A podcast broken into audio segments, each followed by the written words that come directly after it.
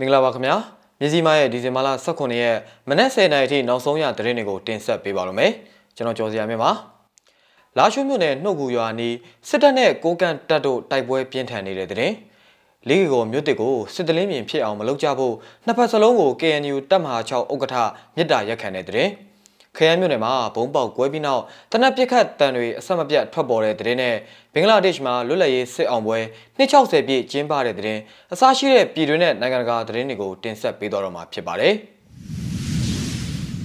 ပထမဆုံးအနေနဲ့ရှမ်းပြည်နယ်လာရှိုးမြို့နယ်နှုတ်ကူရွာနီးမှာစစ်ကောင်စီတပ်နဲ့တော်လိုင်းတပ်တစ်ခုဖြစ်တဲ့ကိုကန့်တပ်မတော် MMDA တို့ကြားဒီဇင်ဘာလ16ရက်နေ့မနက်ပိုင်းကတိုက်ပွဲပြင်းထန်စွာဖြစ်ပွားခဲ့တဲ့တဲ့တင်ကိုတင်ဆက်ပေးပါမယ်။ ရှမ်းပြည်နယ်လာရှိုးမြို့နယ်နှုတ်ကူရွာနီးမှာစစ်ကောင်စီတပ်နဲ့တော်လိုင်းတပ်တစ်ခုဖြစ်တဲ့ကိုကန့်တပ်မတော် MMDA တို့ကြားဒီဇင်ဘာလ16ရက်နေ့မနက်ကတိုက်ပွဲပြင်းထန်စွာဖြစ်ပွားခဲ့ပါတယ်။စစ်ကောင်စီတပ်ဖက်ကလေရင်နှစင်းအုံပြုခဲ့တယ်လို့ရွှေဖီမြေသတင်းဌာနရဲ့သတင်းပေးပို့ချက်ရုပ်သံဖိုင်ကိုလည်းဖွင့်ပြကြပါမယ်။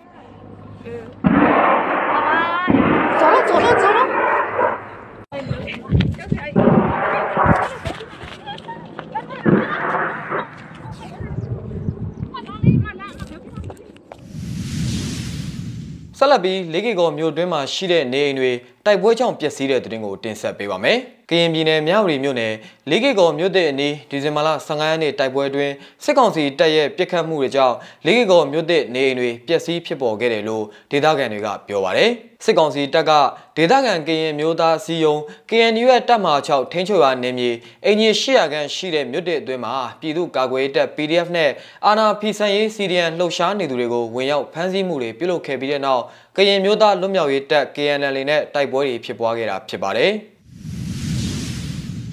ဆက်လက်ပြီးလေးကေကောမြို့တစ်ကိုစစ်တလင်းမြင်ဖြစ်အောင်မလုပ်ကြဖို့နှစ်ဖက်စလုံးကို KNU တပ်မဟာ6ဥက္ကဋ္ဌမြစ်တာရက်ခန့်တဲ့တရင်ကိုတင်ဆက်ပေးပါမယ်။မြောက်ရီမြို့တောင်ဘက်မှာရှိတဲ့ငင်းငယ်ရေးအထိမ်းအမှတ်လေးကေကောမြို့တစ်ကိုစစ်တလင်းမြင်ဖြစ်အောင်မလုပ်ကြဖို့ကရင်မျိုးသားလွတ်မြောက်ရေးတပ်မတော် KNN အနေနဲ့အာဏာသိမ်းစစ်ကောင်စီတပ်တွေကို KNU တပ်မဟာ6ဥက္ကဋ္ဌဘရိုရွှေမောင်းက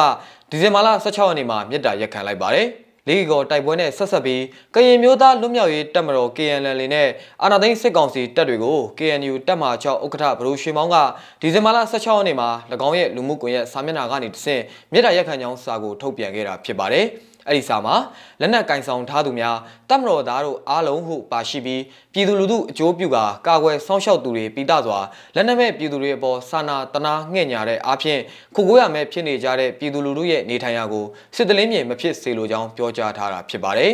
စစ်ပွဲလိုလားသူပြဿနာကိုလက်နက်ကင်နီးလန်းဖြင့်အပြေရှာလိုကြသူတွေရဲ့ပြဿနာရှင်းလင်းခြင်းကြောင့်လေးကေကောမြို့တလေးအကြီးတန်းရုပ်ဆိုးအခြေအနေကိုဝန်ရွယ်ဝယ်တွေ့မြင်နေရပြီဖြစ်တယ်လို့လည်းထုတ်ပြန်စာမှာရေးသားထားပါတယ်။ ဒါအပြင်လေးကီကောတိုက်ပွဲကြောင့်လက်ရှိတိန်းရှောင်နေရတဲ့စစ်ဘေးတန်ရှောင်ပြည်သူတွေကိုလည်းမိမိရဲ့ခေါင်းဆောင်မှုအောက်မှာစုစည်းညီညွတ်စွာစီကံရှိရှိတူးကိုတူးအပြန်အလှန်ကူညီဖေးမှပေးကြဖို့လည်းဘရိုရွှေမောင်းကမြစ်တာရက်ခံထားပါတယ်။ ကရင်ပြည်နယ်မြောက်ရီမြို့တောင်ဘက်မှာရှိတဲ့ငញ្ញရေးအထိမ်းအမှတ်ဖြစ်တီထောင်ထားတဲ့လေးကေကောမြို့တစ်မှာလာရောက်ခိုးလုံနေသူတွေကိုအာနာသိန်းစစ်ကောင်စီတပ်ကအင်အားသုံးဝင်ရောက်ဖမ်းဆီးမှုတွေကြောင့်ဒီဇင်ဘာလ15ရက်နေ့မနက်ပိုင်းကစတင်ပြီးနေပြည်တော် KNL ပူးပေါင်းတပ်ဖွဲ့တွေနဲ့စစ်တပ်တို့အကြားတိုက်ပွဲတွေဖြစ်ပွားနေတာဖြစ်ပါတယ်။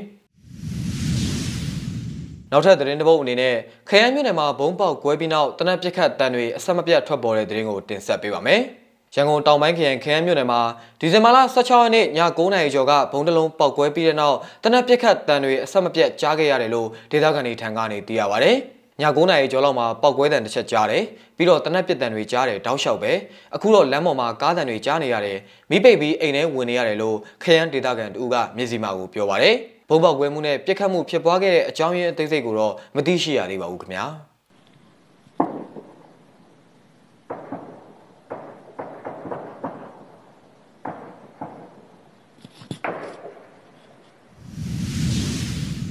နောက်ဆုံးသတင်းတစ်ပုဒ်အနေနဲ့ဘင်္ဂလားဒေ့ရှ်မှာလွတ်လပ်ရေးစစ်အောင်ပွဲ250ပြည့်ကျင်းပတဲ့သတင်းကိုတင်ဆက်ပေးပါမယ်။ဘင်္ဂလားဒေ့ရှ်နိုင်ငံမှာပျက်စီးဆုံးရှုံးမှုများခဲ့တဲ့လွတ်လပ်ရေးစစ်ပွဲကိုထူးထူးကဲကဲအောင်ပွဲခံခဲ့တဲ့250ပြည့်အဖြစ်ကြာသာပတေးနေ့မှာစစ်သူရဲကောင်းတွေကိုပြည်သူတွေကအမှတ်တရဂုဏ်ပြုပွဲကျင်းပခဲ့ပါတယ်။ပါကစ္စတန်စစ်သားတွေအိန္ဒိယနဲ့ဘင်္ဂလားဒေ့ရှ်တပ်တွေစီလက်နက်ချတဲ့အထိမ်းအမှတ်အဖြစ်နှစ်စဉ်ဒီဇင်ဘာလ16ရက်နေ့ကိုအောင်ပွဲနေ့အဖြစ်သတ်မှတ်ကျင်းပတာဖြစ်ပါတယ်။ 6လကြာဖြစ်ပွားခဲ့တဲ့စစ်ပွဲအတွင်းမှာလူပေါင်း3တန်းကျော်အသက်ဆုံးရှုံးခဲ့ရတာလည်းဖြစ်ပါတယ်။ပါကစ္စတန်အုပ်ချုပ်မှုကိုဆန့်ကျင်တဲ့အမတ်တင်ကေတာဖြစ်တဲ့အမျိုးသားအာဇာနည်တို့ရဲ့အထိတ်အမှတ်မော်ကွန်းတိုင်မှာလာရောက်ကြည့်ရှုသူထောင်ပေါင်းများစွာရှိစစ်ပွဲတွင်ခြေလက်အင်ကာဆုံးရှုံးခဲ့ရတဲ့စစ်ပြန်ဟောင်းတွေကပန်းစည်းပန်းခွေတွေချကြပါတယ်။နိုင်ငံအနှံ့မှာလည်းအမျိုးသမီးတွေဟာနိုင်ငံတော်အလံနဲ့ဆင်တူတဲ့အစိမ့်နဲ့အနီစာရွေကိုဝတ်ဆင်ကြပြီးနိုင်ငံရဲ့မျိုးချစ်စိတ်တဲ့တခြင်းတွေတိမှုတ်တီဆိုကြတဲ့ဂီတပွဲတွေစီတွားရောက်ကြည့်ရှုခဲ့ကြပါတယ်။ ကိုရိုနာဗိုင်းရပ်စ်ကပ်ဘေးကြောင့်အချို့ပွဲလန်းသဘင်ဖြတ်သိမ်းပေမဲ့လည်းလွတ်လပ်ရေးရွှေတူးမြောက်ဖြစ်ဒီနှစ်တစ်လျှောက်လုံးဘင်္ဂလားဒေ့ရှ်နိုင်ငံဟာ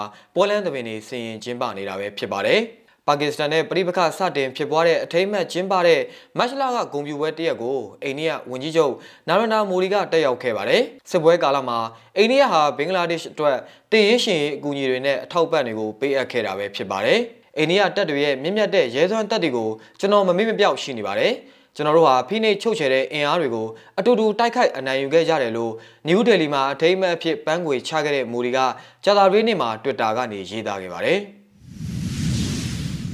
မြစီမရဲ့ဒီဇင်ဘာလ18ရက်မနက်10:00နာရီထိနောက်ဆုံးရသတင်းတွေကိုတင်ဆက်ပေးခဲ့တာပါ။မြန်မာပြည်သူပြည်သားပေါင်းဘေးရန်တွေအမျိုးမျိုးကနေကင်းဝေးကြပါသည်ခင်ဗျာ။